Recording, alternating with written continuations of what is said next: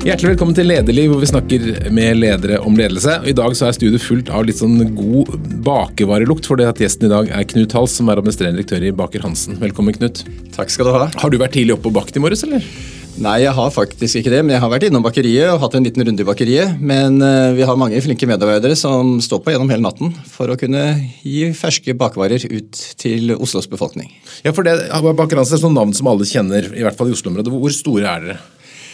Ja, vi er, altså vi er, jo en familiebedrift, eh, etablert i 1861. Så vi eh, er jo stolte av å kunne fortelle oss at vi er Norges eldste bakeri. Eh, og vi har i dag 36 butikkutsalg da, rundt i Stor-Oslo. Og vi, Baker Hansen, vi selger jo kun til våre egne butikker, for vi har en franchisemodell. Så vår omsetning er litt i overkant av 200 millioner til egne butikker netto.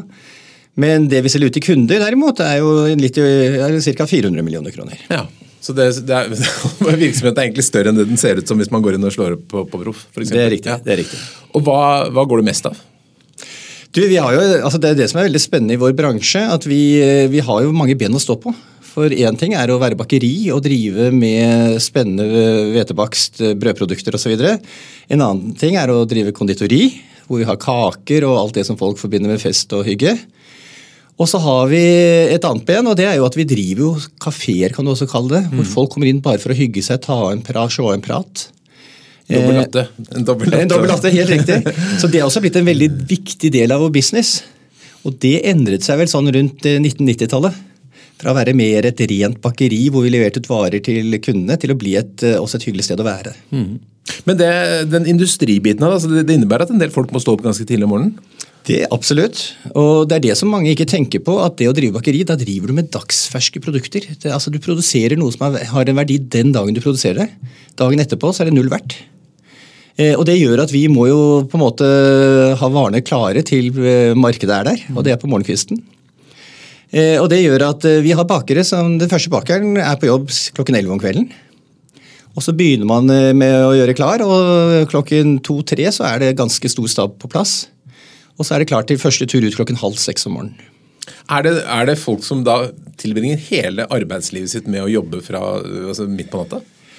Faktisk så er det det. Og det som er ganske morsomt, det er at eh, de som har valgt det, foretrekker det også. Eh, har, det er lite kø da han skal til jobben. ja, Det er en kjempefordel.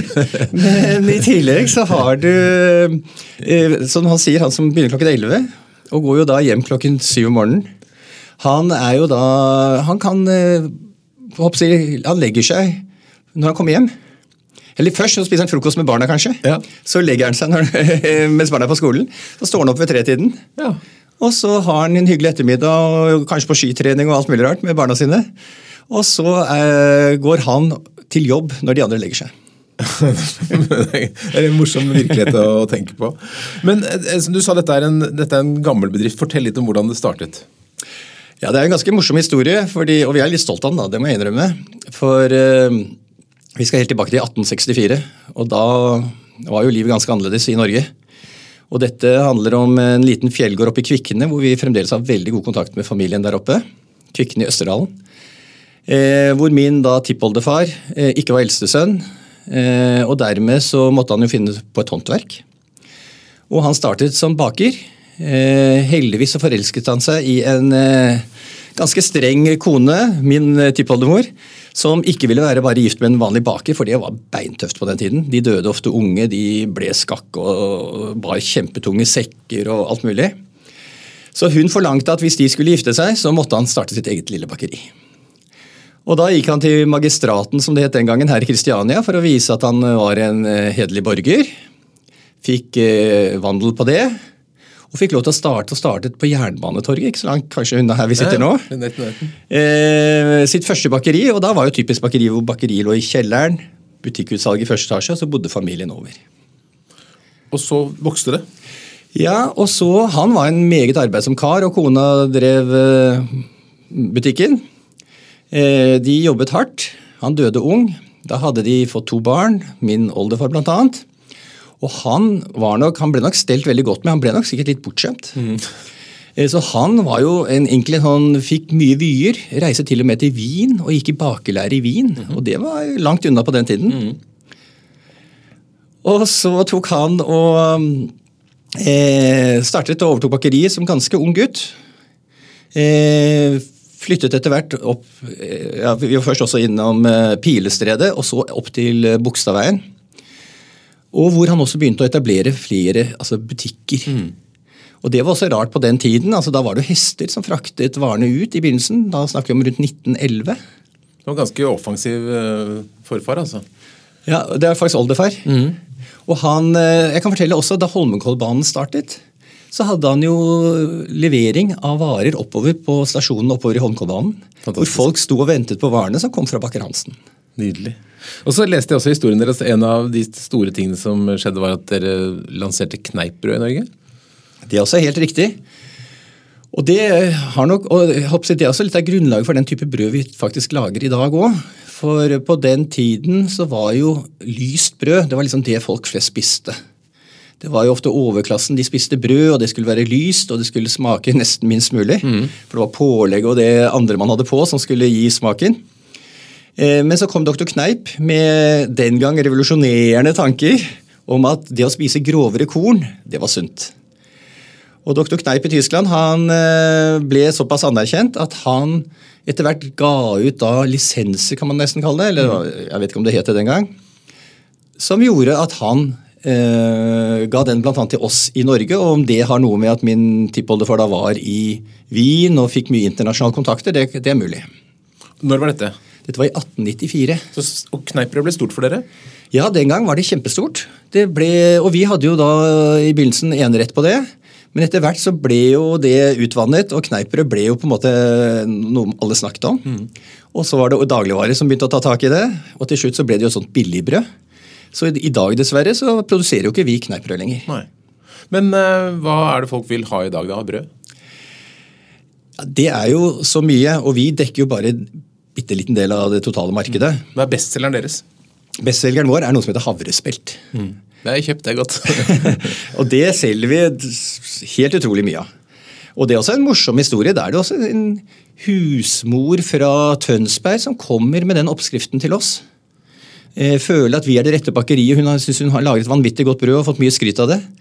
Og så tar vi og prøvebaker og finner ut at dette er jo vanvittig spennende. Og basert på det så får vi eh, gjort en avtale med henne. Og så tar vi og produserer brød. Men dere er jo da en, som du sa, en familiebedrift, og jeg har sett på styret, så alle som seks som er i styret, har hals i, som, som, eh, eller i mellomnavn eller etternavn. Og det å, eh, det å, altså, familier sprer seg jo. Hvordan klarer dere å holde gjengen sammen og, og være en gruppe som driver dette videre? Ja, det, er vi, altså Jeg er så heldig å ha til og med mine foreldre fremdeles i live. De er begge to 94 år og bor i vårt barndomshjem. Fantastisk. Og er spreke som få. Har spist mye godt brød, da. Ja, tydeligvis. Og det er jo helt vanvittig hyggelig for oss. Eh, Det eneste vi trenger å hjelpe til med, stort sett, er måking og litt vedbæring. Men ellers så bor de hjemme og har det så pent ordentlig. Men, eh, og så er vi tre søsken. Min eldstebror og jeg er det som da nå er inne i Bakker Hansen med neste generasjon. Eh, Og min søster er Og vi har alltid vært gode venner. Alltid hatt det hyggelig sammen. Aldri hatt noen konflikter. Og det har gjort at ja, vi, vi har det gøy på jobb også. Er det sånn da klar beskjed til barna at dere må også inn i bransjen? Absolutt ikke. Jeg har eh, fire barn. Eh, to av de er eh, jurister, eller advokater til og med. Og mm, Magnus, som er nummer tre, han gikk jo også på Handelshøyskolen i Bergen og begynte å jobbe et helt annet sted. Men har nå satser på det glutenfrie bakeriet hos Baker Hansen og driver egentlig det glutenfrie bakeriet. Ja. Så det blir flere generasjoner her. Ja, vi håper det. Eh, men eh, det- er jo som sagt eh, det er en, jeg en prosess i det hele. Og eh, det er jo egentlig min bror og hans familie som er de som på en måte fører Bakker Hansen videre. Jeg og min bror har riktignok en del underselskaper og litt sånn vi driver sammen. Og min sønn som sagt Magnus driver det glutenfrie bakeriet. Nå, Bakeri er jo blant de bransjene som har eh, blitt nevnt når man har snakket om eh, virksomheter er synd på pga. høye strømpriser og sånn. Og Vedum har trukket bakerien og sånn. Hvordan, hvordan er det å drive bakeri akkurat nå? Det er, jo, det er jo klart at vi har jo hatt enorme kostnadsøkninger på energi. Eh, og det gjelder jo selvfølgelig bakeriet vårt, eh, men også ute i alle de butikkene vi har. Eh, så vi hadde jo en økning i kostnader bare på det på ca. 10 millioner Det er mye penger. Det er mye penger. Men eh, nå har vi jo riktignok sikret oss også, basert på det, den første runden som ble lagt ut. Eh, Det som er en fordel for oss, er jo at vi produserer heldigvis eh, mye om natten. Og da er strømprisene relativt billige. Eh, nå når vi har fått fastavtale, så må vi jo bruke det samme. altså Det er jo merkelig, disse fastavtalene, hvor vi må ta et likt forbruk hver time gjennom hele året. Eh, men Det, da, høres litt pussig ut. ja, det er sånn disse politikerne har bestemt det skal være foreløpig, eller systemet fungerer. Men det gjør at vi på dagtid kan selge heldigvis den strømmen vi er pålagt å kjøpe inn. Så Ah, ja. vi tjener jo faktisk litt penger på å, at vi produserer om natten og kan selge om dagen. Så nå er det bolle, brød og strøm. Ja, riktig. Nå har vi fått ny inntektskilde her. Men samtidig så må jeg jo si at eh, strøm, altså når jeg sa den prisen jeg sa, så er jo det basert på alle butikkene vi også har og alt. Og nå har vi jo som sagt eh, låst på en fastavtale, og da er vi jo plutselig tilbake til eh, noe midt imellom, da. Si at vi snakker om en fire millioner i ekstrakostnader i forhold til hva vi normalt har ligget på. Men varehandel generelt sliter jo litt, i hvert fall deler av den, med, med redusert etterspørsel. Hvordan er det i bakeribransjen? Vil folk, kjøpe folk like mye brød, eller har folk fått mindre penger og ikke har tid? Eller råd? Der føler vi også at vi er litt heldige, og viser historisk også at vi har vært det. Når det har vært nedgangstider i Norge, så har vi egentlig greid oss veldig bra. Folk kanskje kutter ut eh, litt de mer kostbare opplevelsene på restaurant, eh, litt finere middager osv. Men allikevel, det sosiale, det å møtes på en kafé, eh, det føler folk er eh, verdt pengene. Og ikke minst det å ha private selskaper også går ofte litt opp da. Folk kjøper kaker, kjøper ting med seg hjem. Eh, Som er jo egentlig det vi har som vår primærbusiness. Så du er ikke spesielt bekymret for konjunkturnedgang? Nei, det viser seg at vi har greid oss veldig bra, og vi greide oss også veldig bra under pandemien. Eh, Riktignok var de butikkene som lå nede i Oslo sentrum, hvor eh, folk hadde hjemmekontor, de ble skadelidende. Men til gjengjeld så hadde vi jo da økt salg i butikkene hvor eh, folk bor. Eh, men en annen ting som jeg også skal nevne i den sammenheng, som forteller at vi må jo hele tiden være levende, vi må jo hele tiden utvikle oss. Eh, og det var jo at da pandemien kom, så var jo plutselig over natten ble selskapet borte. Og vi har et konditori Altså selskap, jeg mener Party, fester. Party, fest. og eh, vi har jo et svært konditori med noen og tyve ansatte. Produserer masse kaker. Der er vi virkelig store. Eh, plutselig så skulle ikke folk ha kake mer. Konfirmasjoner ble avlyst, bryllupet ble avlyst, alt ble avlyst. Eh, og hva gjorde vi da? På én dag så snudde vi oss rundt, og istedenfor å produsere kaker på 24 biter, 80 biter, eh, 15 biter osv., så, videre, så produserte vi kaker plutselig på fem biter. Og folk skulle ha kake likevel. De skulle jo ha bursdag, men de var bare fem i familien som skulle feire. Og dermed solgte vi jo faktisk like mange kaker, men selvfølgelig mange mindre kaker. Fantastisk. Det er ganske tilpasningsdyktig, da, med andre ord. Ja, og Det er jo også fordelen av å være en familiebedrift. Vi er styre, administrasjon, generalforsamling samlet hver eneste dag. Så vi kan jo ta beslutning på timen. Og din egen vei inn i dette, det, det er jo antagelig da, det gir seg selv. Antagelig så var din første jobb også i bakebutikken? Ja, jeg har jo vokst opp eh, med en far som har vært eh, sterkt engasjert i dette, og en onkel av meg også. Og så endte det jo med at jeg i barne... Altså jeg, først så begynte jeg å fordele brød på lageret, og så når jeg ble så gammel at jeg kunne kjøre varebil, så gjorde jeg det i studietid og, og i skoletid. Og så har jeg eh, Så var det litt ut. Så var det helt ut, helt riktig. Så jeg har vært en god del år ute av eh, alt som hadde med bak ransen å gjøre, utenom at jeg var så heldig og fikk lov til å sitte litt i styret og, og, og sånn sett. Men eh, Så jeg er jo egentlig utdannet fra USA, og jobbet noen år i USA også. Hva var utdannet du som? Du, jeg, har, eh, jeg er siviløkonom, tok en eh, innen markedsføring. Så jeg har eh, gått og tatt en master også i USA, og kombinert med også jobbet to år i USA. Hva jobbet du med? Jeg jobbet for et kjempespennende selskap som faktisk Jakob Stolt-Nielsen har eierinteresser i. Det heter Circle Line og driver disse sightseeingbåtene som går rundt Manhattan. Ja. Den tok jeg faktisk i høst. For helt fantastisk opplevelse. Ja, ikke sant? Kan anbefales veldig sterkt. ja. Og der var jeg bare helt tilfeldig. Jeg var da 24 år gammel den gangen, nyutdannet. Eh, Kom, og I og med at det er norske interesser inne i selskapet, så hadde jeg litt interesse av å også få inn nordmenn der. Eh, Så jeg var på intervju og fikk ansvar for å bygge opp en pakketuravdeling med trafikk inn til New York.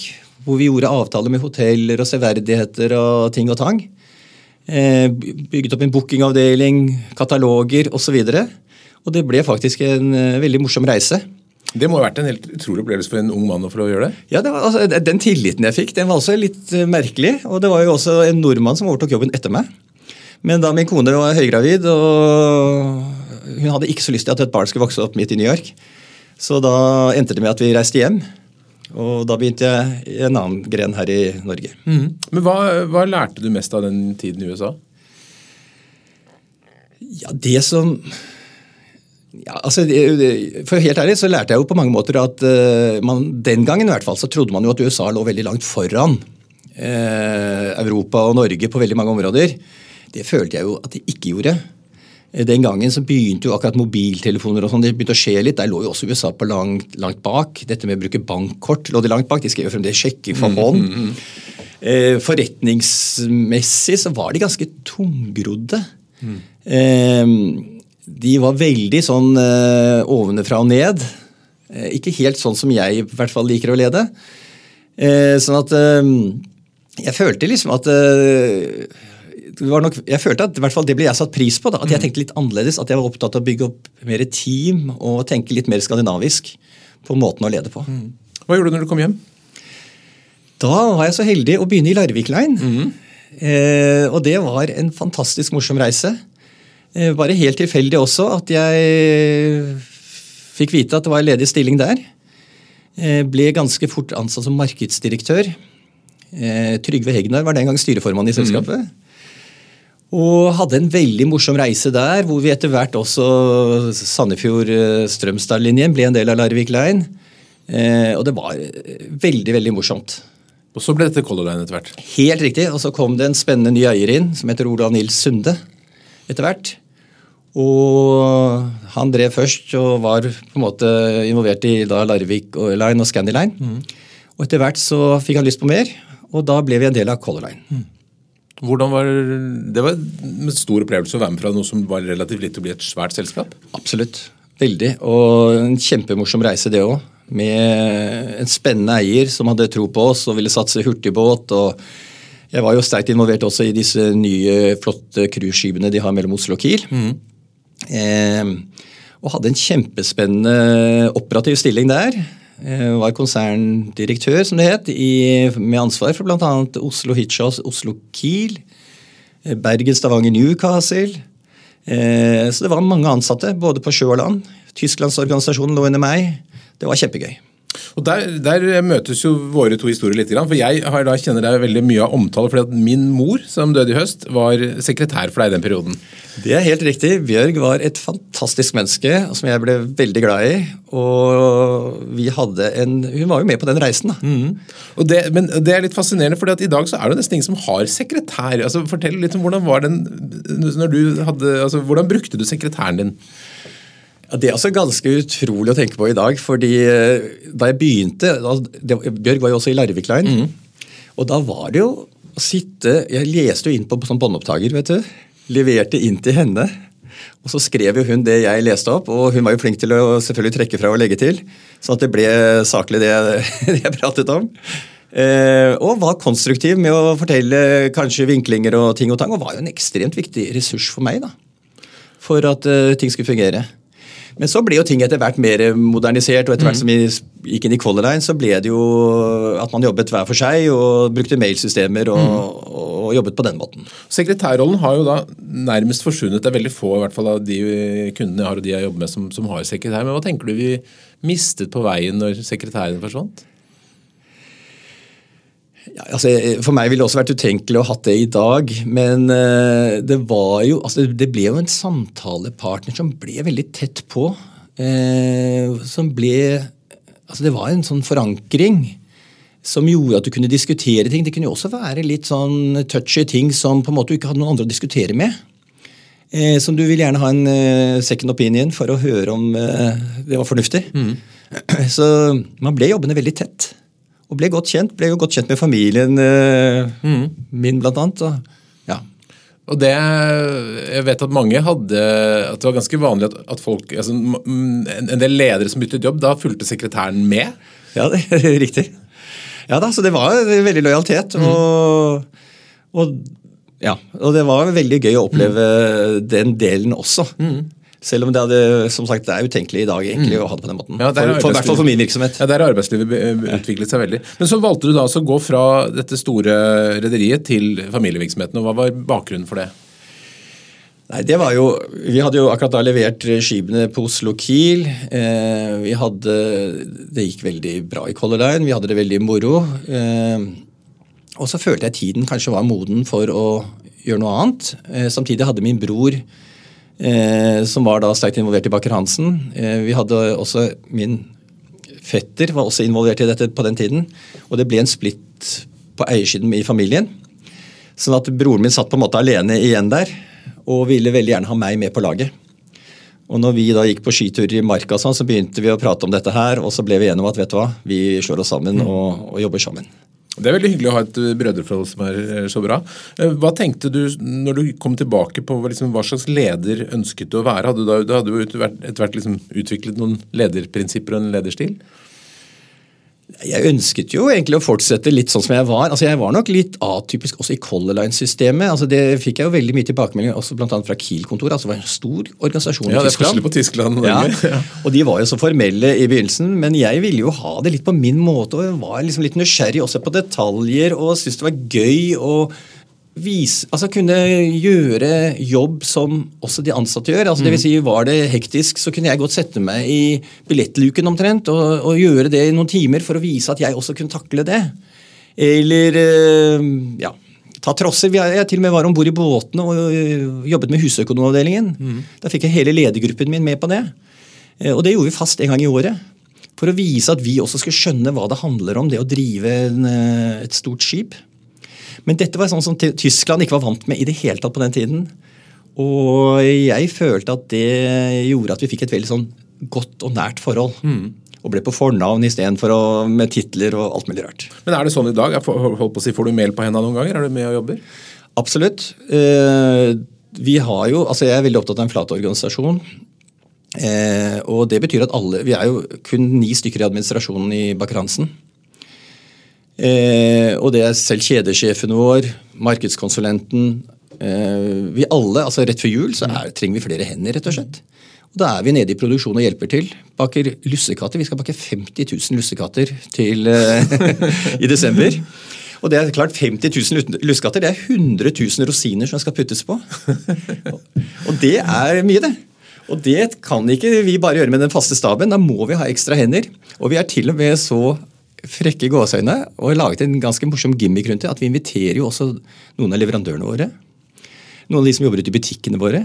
Så vi er et kjempeteam som kommer og, og har det veldig moro. og Lager litt ekstra god lunsj. Eh, har litt sanger nede i produksjonen. Eh, alle får bakertøy. Sånn at det blir liksom en sånn greie rundt det. Så lussekatter er litt høydepunkt for dere? Lussekatter, det er, det er stort. så gøy. Men ellers, hva, hva er um, altså en, en utfordring for mange virksomheter er jo rekruttering. Hvordan er det? Er det, er det nok folk som har lyst til å jobbe på bakeri? Ja, jeg vil si eh, Jeg vet at en del sliter med å, å få ansatte, men det kommer jo litt an på hvor du er også stasjonert, eller hvor du driver virksomheten din. Mm. I Oslo så føler jeg vi er veldig heldige og har fått mange dyktige håndverkere, eller flinke folk, men utfordringen er jo at bokostnadene er jo kostbare. Vi holder til på Grine ute i Bærum. Eh, sånn at vi har en del bakere som vi for eksempel har vært kanskje jobbet i Nord- og Nord-Norge og kommet eh, nedover og har lyst til å jobbe i Oslo, men så har de takket nei basert på nesten økonomiske rammer. Ja, For det nytter ikke å bosette seg i nabolaget der. Det er ikke så enkelt. Nå har vi riktignok eh, kjøpt to leiligheter eh, på Østerås som vi gir til da to bak, eh, Det er to bakfamilier som bor der per i dag. Og sett på det som en mulighet, sånn at de leier av oss. Og kanskje gjør det på, i noen flere tilfeller. Men er det, er det slik at det er mange unge som har lyst til å liksom, velge bakerutdanning? Ja, jeg vil si at vi har lærekontrakter, og det er mye flotte folk der ute. Og de er, altså, folk har jo ikke bare lyst på å jobbe med teori, de har jo lyst til å bruke kroppen og så videre. Og det er et kjempespennende eh, bransje. Eh, Det som er veldig gøy, er at i bakebransjen så har du liksom det området som jo Der er det jo på en måte litt tyngre arbeid, kanskje. Mens i konditoriet, eh, som også har enormt press og jobber mye, der er det jo veldig unge altså De ser jo som kreative folk som jobber. Jeg husker Da jeg selv vokste opp, så var jo de som jobbet i konditori, det var store, tykke menn. Overvektige, spiste litt av lasset hele tiden. Mens i, i, dag så er det jo unge, nette Det er overvekt av jenter i konditoriet vårt. Ja. De er så dyktige og kreative. og lager, altså Vi lager marsipanfigurer nå til påske. Vi lager marsipanfigurer til jul. Det er håndverk. De står og er så nøyaktige, og det er kjempegøy. Eh, I tillegg til at vi lager enormt med kaker. Så det, det er jo liksom store variasjoner her. Fra sånn pi, fin millimeterpirking Ja, til melsekker og store ting. Ikke sant? Stå med små pensler og male rødt på uh, snutene og gjør forskjellige ting. da. Gøy. Er det, skjer det mye innovasjon? Er det mye nytt som, eller er det, går det mye på tradisjoner? Vi er nok eh, ganske bundet til en del tradisjoner, men vi er veldig åpne også på fornyelse hele tiden. Og det jeg kan fortelle som, altså Går du tilbake til 90-tallet, hvor da vi drev mer typisk bakeri hvor du handlet og gikk ut igjen, til å bli den kafévirksomheten med kaffe, smoothie, juice, alt dette her. altså Vi har blitt mer et serveringskonsept i tillegg. Eh, så der har vi på en måte gjort ganske store grep gjennom de siste 30 årene. Eh, og så har du, eh, I tillegg så har vi jo dette med glutenfritt, blant annet. Vi satset jo stort på glutenfritt da vi flyttet vårt hovedbakeri fra Bogstadveien ut i Grini næringspark. Eh, og laget vårt helt eget glutenfri bakeri. Egne ansatte. Eh, helt egen virksomhet. Eh, og det som er litt morsomt i den historien nå, er jo at det er jo min datter Camilla, som er 21 i dag, hun ble jo så å si født med cøliaki. Og det passer jækla dårlig å bli født inn i en bakefamilie med cøliaki. Så hun kunne jo ikke spise noe av det deilige vi lagde. Og jeg måtte fly frysedisker på dagligvarebutikker og fant ut at det som var tilbudt der, det var jo så dårlig. Det var jo smakte papp alt sammen, uansett om det sto at det var grovt på utsiden. Det ga raske karbohydrater. Det var rett og slett dødskjedelig. Og min kone begynte å bake veldig mye. Og så endte det med at vi ble enige om at vi må starte vårt eget glutenfri bakeri. Og i dag så utgjør det ca. 10% av omsetningen vår i Baker Hansen. Så det problemet ble faktisk en mulighet for dere? Ja, det gjorde det. Og veldig gøy. Vi lager jo kaker og ferske bakvarer syv dager i uken i alle Baker Hansens utsalg. Men du, som leder, du sier du er opptatt av å ha det flatt og er på gulvet, men, men uh, hva, hva bruker du mesteparten av tiden din på? Ja, det er jo å være håper jeg, i bedriften. Jeg er jo også mye ute i butikkene. Vi er jo veldig opptatt av, Vi har altså en franchisemodell hvor alle de 36 butikkene vi har, har selvstendige drivere som driver og ansetter sine egne ansatte. Men jeg har, er selvfølgelig inne i et konsept. Det er vi som sitter på enten leiekontrakter, eller om vi, det er også noen av butikkene hvor vi har arealet selv, holdt jeg på å si. Eh, og hvor de må følge gitte eh, betingelser for å kunne få lov til å være en del av Bakrant-systemet.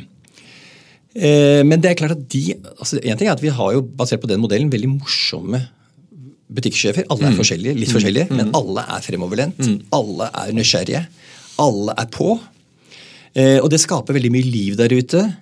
Eh, og vi er ganske ute på detaljer når det gjelder butikkdrift. Det er ikke tilfeldig hvordan butikkene våre er, det er ikke tilfeldig hvordan diskene står. Eh, belysning, alt er gjennomtenkt. Og da er det veldig viktig å ha lojalitet også ute blant alle franchisedriverne våre på at de følger konseptet.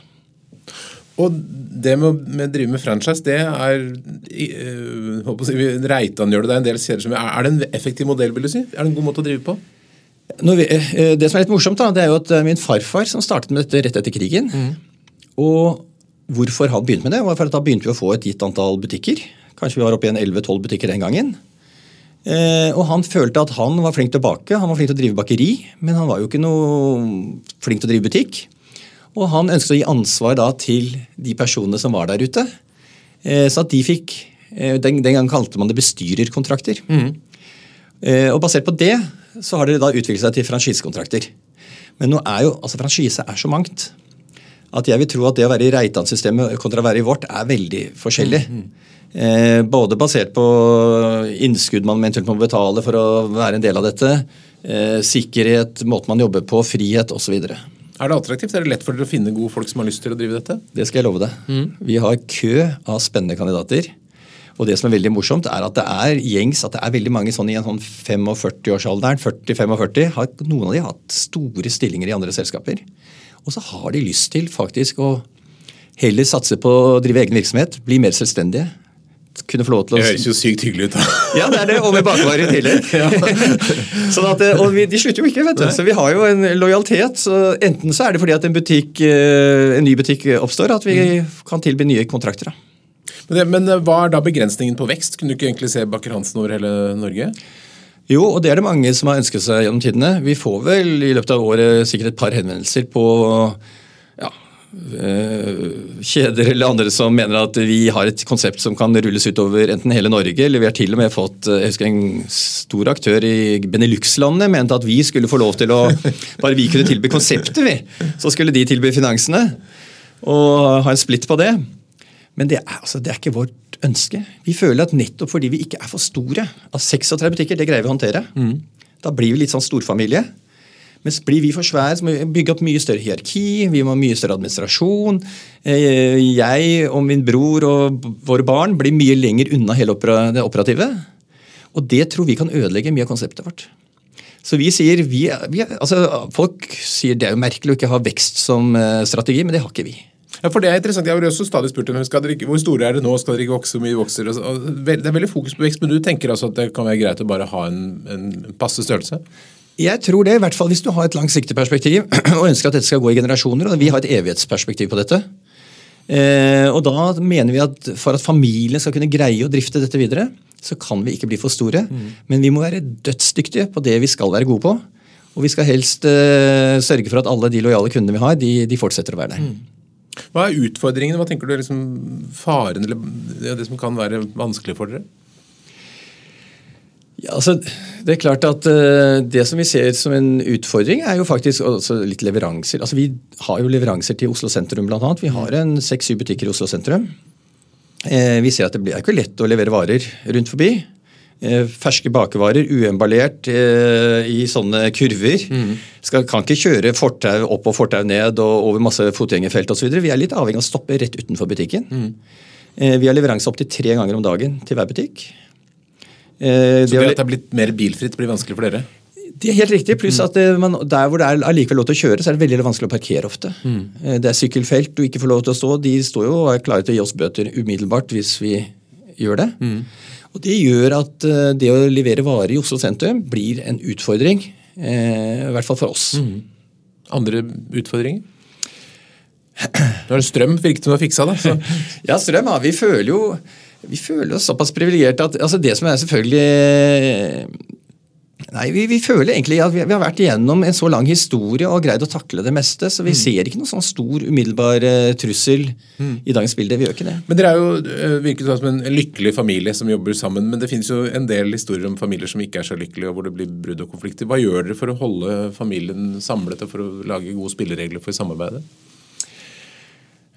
Ja, jeg tror at uh, det har sikkert litt med oppveksten. Og så har jeg en altså Morten, min storebror, er uh, utrolig large type. Altså han ønsker all, oss alle det beste. Mm. Han uh, er like opptatt av at jeg skal ha det godt som han selv og hans barn og mine barn. Altså Når man har den holdningen og ikke er, Vi er jo ikke sånn råflotte på noe heller. Vi, vi, vi, har, vi, har, det godt og er kjempeglad for at vi er så privilegerte og kan jobbe med det vi syns er så gøy. Mm. Men vi er jo ikke noe sånn uh, fisefin familie, for å si det sånn, som er opptatt av å bruke masse penger og være så opptatt av de store tingene som på en måte lager prestisje. Uh, sånn at Basert på det så har vi, føler vi har bena litt på jorda. da. Mm. Det er et par ting som, som, eh, berører de fleste ledere som vi snakker med her i Lederliv. Det ene er bærekraft. Er det noe påvirket dere på noen måte? Er det noen miljøbegrensninger eller utfordringer? Ja, det... Altså, Matkasting er jo et tema. Ja, absolutt. Og der har vi også en veldig god ordning. Eh, vi har flere ben å stå på der. Vi har noe som heter Too Good To Go. Som er en sånn app som eh, folk kan bruke når butikken stenger.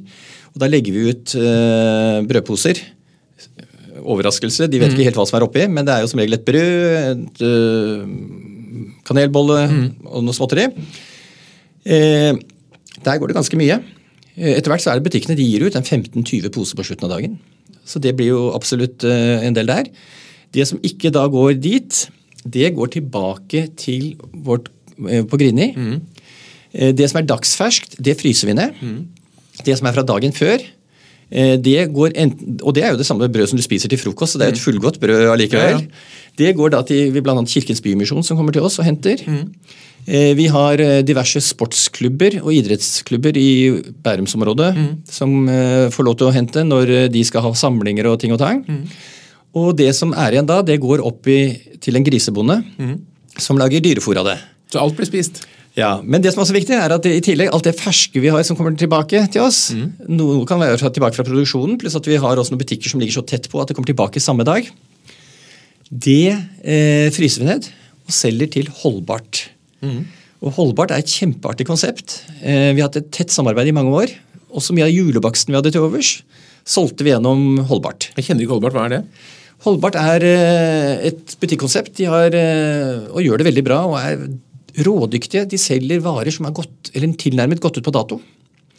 Eh, Og selger det til veldig redusert pris. Og har, eh, På Vestby har de svært, de har i Fredrikstad, de har eh, ja, nå husker jeg ikke Arendal, Stavanger, Trondheim osv. Og da selger de, så de får det frossen fra oss. Og så selger de brødet relativt rimelig ut, men som frossenbrød. Fantastisk. Eh, og det andre som da, I tillegg til bærekraft, så er- snakker vi alltid om digitalisering. Har, har, det, har digitalisering påvirket bakevirksomhet på noen måte? Du nevnte jo en app akkurat nå. da. Ja, vi, kan fortelle, vi har jo en egen brødapp i Baker Hansen. Og den er også en ganske morsom historie. For der var det jo en uh, morsom far som ringte meg en gang. Uh, og bare fortalte meg at han uh, ville bare gjøre meg oppmerksom på hvor lojal han var mot Baker Hansen. Han jobbet vel kanskje nede i dette området her.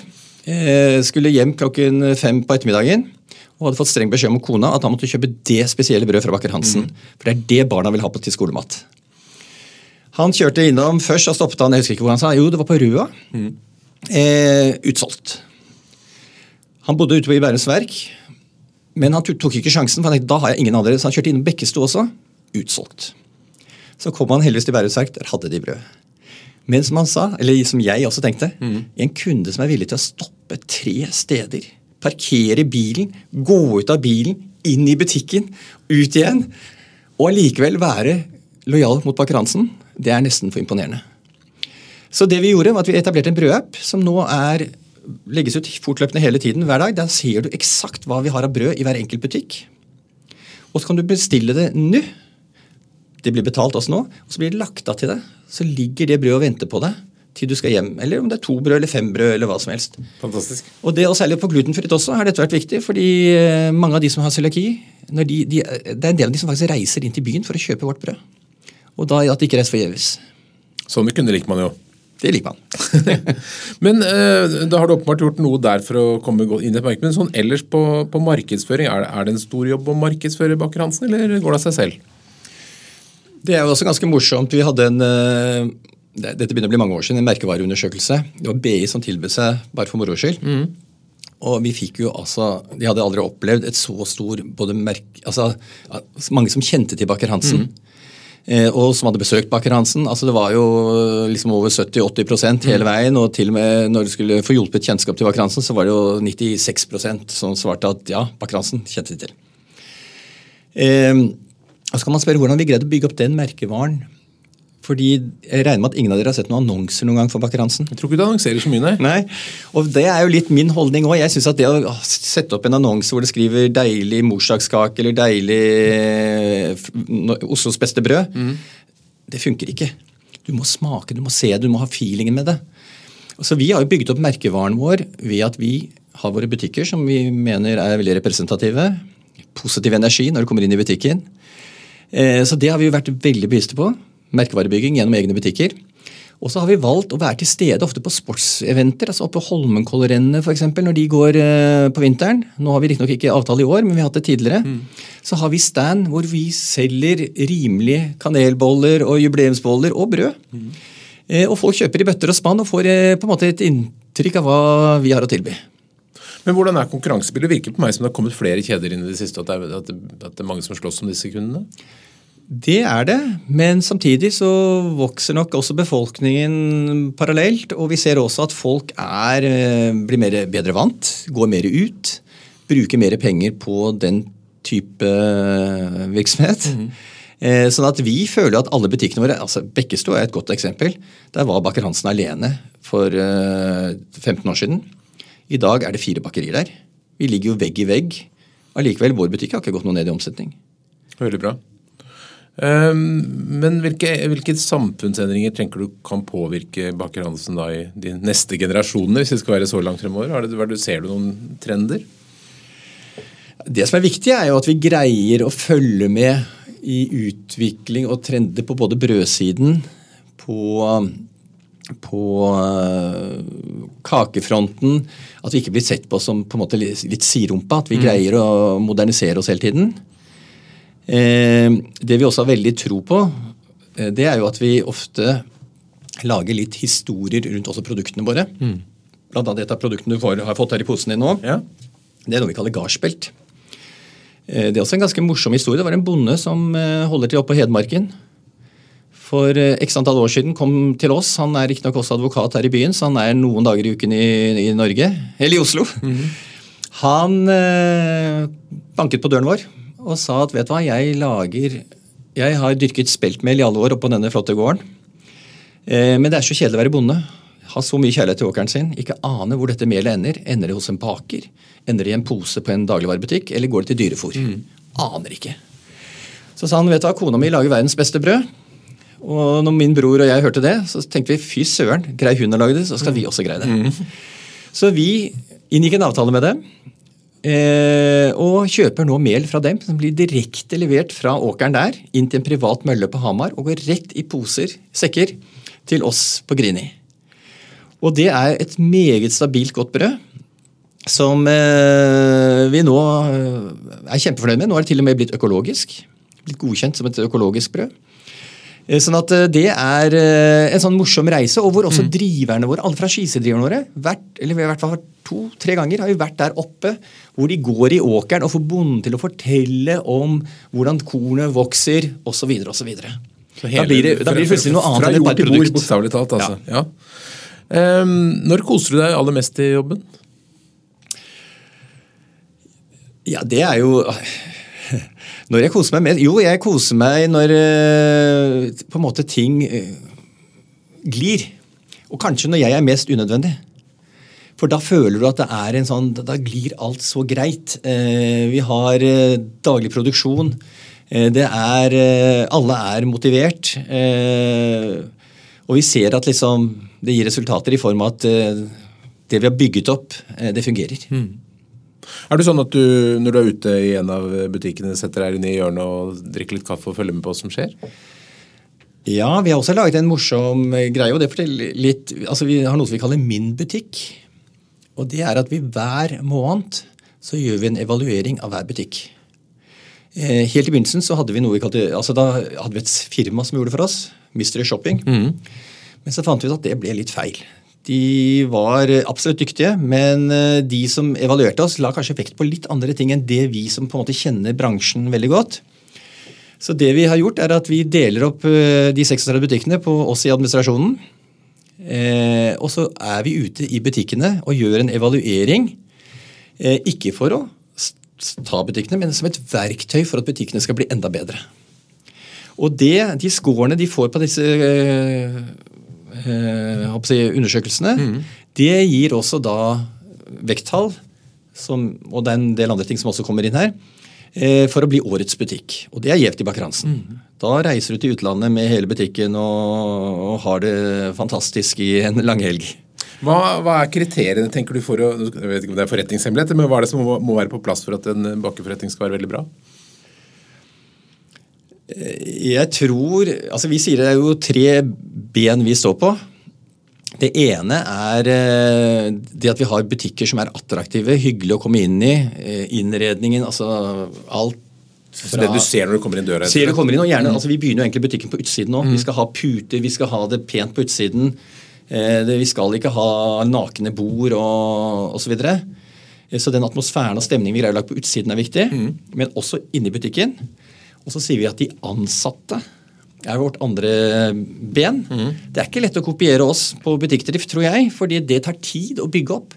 Vi har noe som heter Bakker Hansen-skolen, hvor alle ansatte som de jobber i butikkene, kommer inn Eh, jeg og min kjedesjef, eller vår kjedesjef kjører det sammen. Hvor de er og får sett virksomheten vår, lærer om oss, hører og, og ser at, eh, hvordan brød produseres osv. Så, videre. eh, så det er den andre viktige kilden. Personen, Og så er det produktene våre. Så det er de tre. Produkter, personalet ute i butikkene og hvordan butikkene oppfører seg. og. Så enkelt er det. til slutt, Knut, hvis det kommer en ung person til deg, kanskje et av barna dine, da, som sier det skal bli en god leder, hva er de tre viktigste lederrådene du vil gi? Det kommer jo veldig an på hvor stor virksomhet du driver osv. Men i min erfaring og den type jobb jeg har hatt, så føler jeg det å jobbe i team, altså være Virkelig kunne businessen du jobber i, er viktig. Eh, Det betyr at du kan ikke bare komme inn og flytte inn på et kontor og så liksom administrere det derfra og tro at det er nøkkelen til suksess, tror jeg. Mm. Jeg tror at du må kjenne virksomheten. Du må eh, vite litt hvor skoen trykker. Sånn at du får positiv og fin dialog med de ansatte på eventuelle problemstillinger som også oppstår. Det er det ene, ja. Mm. Så var det Nummer to. spørsmålet. Nei, så nummer to, det var tre ting. Du får tre råd. Det var det første. Kjenne virksomheten godt. Ja. Og så tror jeg at du ikke skal ta det selv så jækla høytidelig. Eh, det at du Altså at man er, man er ufarlig, da. Eh, min bror og jeg, blant annet, når vi har årsfester, vi har jo alltid et sånt glansnummer. som altså De ansatte de reiser seg og bare og vi, vi, for vi gjør det jo bevisst litt Hva pleier dere å gjøre da? idiotisk. Synger. Nei, Du, Vi starter hele showet med at vi er oppe på en scene med flosshatter og med stokk. Og har et eh, glansnummer på det, og det har de jo sett så mange ganger nå. og de ler seg i for vi greier, vi greier jo aldri å gjøre det helt likt. Ja. Ja, dansing, Eller sånn trinn. Ja. Og i år, blant annet, altså det, vi har flotte årsfester. Da er vi på Grand Hotell i Speilsalen og Rokokkosalen. Eh, 350 mennesker. Eh, og da eh, I år overtok de unge, da. Neste generasjon. Ja, og da ble det et veldig mye proft show.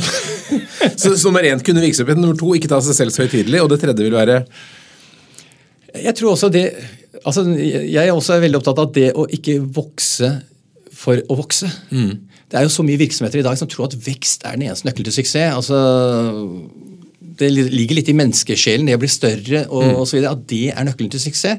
Jeg tror man skal ta og på en måte holde seg litt i nakken og se at hva er det jeg faktisk, altså hvilken størrelse er optimalt for min virksomhet. Eh, Det tror jeg også er en, en viktig del. god råd. Og så til slutt, hvis du skal da gi en sånn eh, anbefaling til folk som kommer seg innom et Baker Hansen-utsalg, hvilket produkt er det man bør prøve? Hvis man skal eh, ha et eh, godt brød som skiller seg ut i forhold til veldig mange andre, så vil jeg jo nok si at eh, det som heter havrespelt, er veldig spennende. Det som også er, kjennetegner oss i Baker Hansen, er at vi har veldig mange speltbrød. Vi har veldig tro på spelt som kornsort. Eh, fordi det er ikke så tøft mot kroppen som egentlig hvete er. Og hvis man beveger seg litt mer mot konditoravdeling, hva skal man plukke da? Da har vi mye spennende. Da er det mye godt, og det er jo det som er farlig. Men uh, altså, kaker og Vi har jo, vi er jo kjent for å ha veldig gode bløtkaker og, og ting til fest og moro. Hva er din favoritt? Jeg vil nok si at eh, jeg er på egentlig en god marsipankake med Altså, vi, vi, Det er ingenting som er tilfeldig i kakene våre. Vi har bringebærfyll som er helt spesielt. Det er prøvesmakt, og det er ikke et hvilket som helst syltetøy vi bruker. Det er med valnøtter, det er med andre ting som gjør at det blir Og alt lages i bakeriet vårt. Kjente at du fikk lyst på kake. Knut Hals, tusen takk for at du kom til Lederliv. Takk for meg. Lederliv er en podkast fra kommunikasjonsbyrået Apeland. I redaksjonen er Ingrid Hogneland, Lars Volden, Lars Jarle Melum og meg, som heter Ole Kristian Apeland. Og hvis du har noen innspill til oss, tips om ledere, ros, ris, kjeft, hva som helst, så send gjerne en e-post til oleatapeland.no. Takk for at du lytter på Lederliv.